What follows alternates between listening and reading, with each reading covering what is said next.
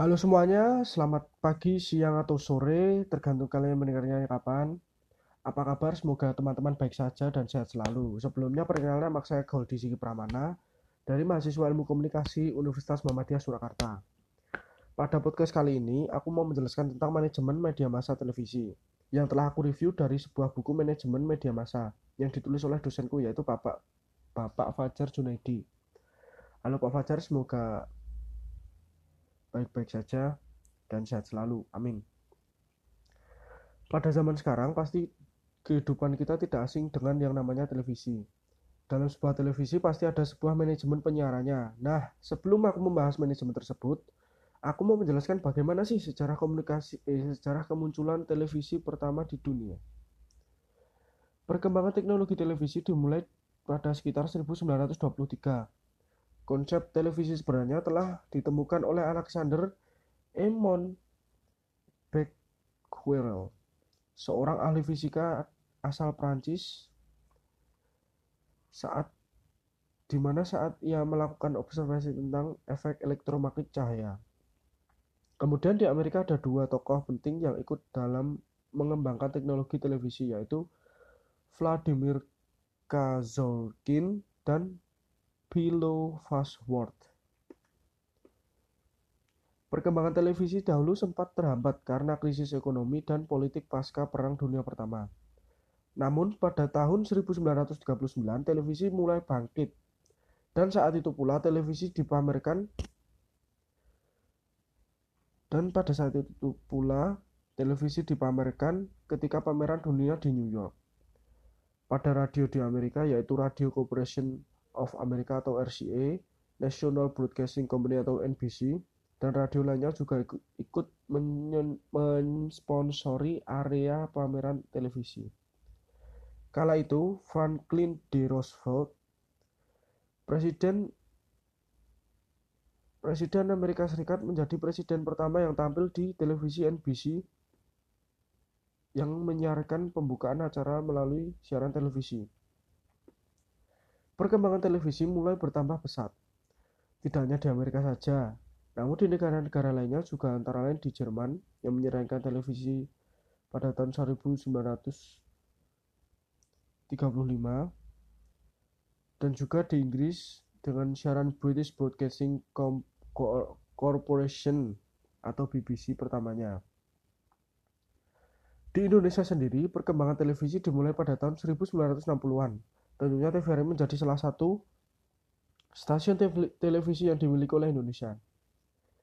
Dahulu siaran televisi yang masih hitam putih karena pada awalnya TVRI digunakan untuk menyukseskan penyelenggaraan Asia Games 4 yang, yang diselenggarakan di Jakarta pada tahun 1962. Namun akhirnya dibentuklah TVRI jarah seperti di Yogyakarta, di Surabaya, dan lain-lainnya. Pada tanggal 1 Maret 1963, iklan di TVRI sudah mulai muncul. Namun, hal tersebut di dihentikan karena iklan dinilai memiliki pengaruh negatif terhadap informasi televisi. Kemudian pada tanggal 20 Oktober 1987, dibuatlah surat keputusan oleh Menteri Penerangan tentang siaran saluran terbatas atau biasa juga disebut dengan SST yang menandai kemunculan televisi swasta di Indonesia. Pasti kalian sudah tahu dong tentang televisi swasta pertama di Indonesia, ya, yaitu Raja Wali Citra Televisi atau biasa orang menyebutnya RCTI. RCTI merupakan salah satu stasiun televisi swasta pertama di Indonesia. Sesuai izinnya dahulu, siaran RCTI terbatas dan hanya bisa dinikmati melalui televisi yang dilengkapi decoder. RCTI mendapat sambutan hangat dari publik hingga akhirnya RCTI mendapat izin mengubah status siaran saluran umum atau SSU. Keberhasilan RCTI keberhasilan RCTI tersebut juga diikuti dengan pemberian izin pada Surya Citra Televisi atau biasa orang-orang sebut dengan SCTV dan keduanya menjadi awal dari kelahiran dunia pertelevisian di Indonesia. Dalam dunia bisnis saat itu, televisi menjadi media utama yang menjadi sasaran utama pengiklanan. Nilai belanja iklan selalu meningkat di tiap tahunnya. Saat itu pada tahun 1990, pada sekitar tahun segitu, membuat televisi swasta mulai mengudara karena harga TV saat itu mulai terjangkau. Kemajuan teknologi saat itu saat mendukung perkembangan televisi. Salah satunya kemunculan fitur-fitur yang baru yang membuat TV lebih efisien dan bersaing ketat. Struktur dan posisi dalam manajemen televisi umumnya yaitu televisi dipimpin oleh manajer umum atau chef atau chef executive director atau CEO yang juga disebut sebagai dewan direksi Pimpinan tertinggi dalam manajemen mempunyai beberapa tugas, yaitu yang pertama, mengkoordinasi berbagai program acara televisi. Yang kedua, mengarahkan program acara yang ditayangkan agar diminati pemasang iklan. Yang ketiga, manajemen harus mampu memberikan arahan kepada seluruh karyawan agar mampu melakukan kerjasama antar berbagai divisi yang ada. Secara struktural, memang tidak ada yang standar baku, tidak ada standar baku dalam manajemen stasiun televisi. Namun secara umum, stasiun televisi dalam struktur manajemennya terdiri dari beberapa divisi atau bagian atau departemen lah. Di mana masing-masing itu dipimpin oleh seorang direktur yang seorang direktur atau manajemen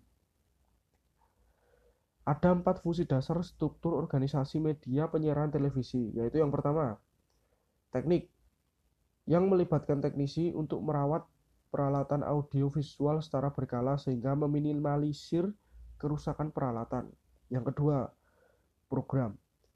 Program ini melakukan penataan program siaran atau programming biasanya berdasarkan jam tayang yang disesuaikan perilaku penonton. Contoh seperti kartun anak-anak diputar pada sore hari karena mereka pulang sekolah kemudian berita ditayangkan tiga kali pagi siang dan sore kemudian jenis program acara seperti film, infotainment, talk show, sinetron, dan lain-lain. Kemudian yang ketiga, pemasaran. Pemasaran adalah bagian yang paling penting dalam stasiun TV swasta. Hal ini berkaitan dengan iklan, televisi dan juga penempatannya.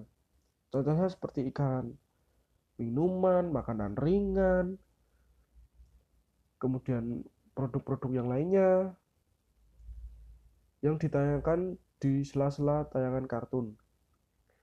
Yang kedua, yang keempat, administrasi. Administrasi ini bertanggung jawab untuk mengelola sumber daya manusia, pembuku, pembukuan, pembayaran gaji, pengelolaan anggaran. Selain itu juga bertugas mengurus perizinan yang berkaitan dengan Komisi Penyiaran Indonesia atau KPI. Jadi kerjasama antar bagian-bagian manajemen ini tadi sangat penting dalam rangka penyiaran di sebuah stasiun televisi. Pemberian penghargaan atau reward dan sanksi atau punishment juga harus diperhatikan dalam manajemen media di stasiun televisi. Uh, ya mungkin saya cukup. Eh saya cukup. Mungkin saya kira sudah cukup kali ini podcast untuk kali ini apabila ada kesalahan dari kata-kata saya yang saya keluarkan dari mulut saya ini mohon maaf. Dan terima kasih atas perhatiannya. Sampai jumpa di kesempatan yang lain. Tetap stay tetap stay safe.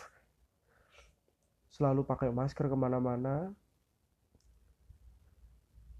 Selalu cuci tangan dan tetap jaga jarak dan patuhi protokol jangan lupa. See ya dadah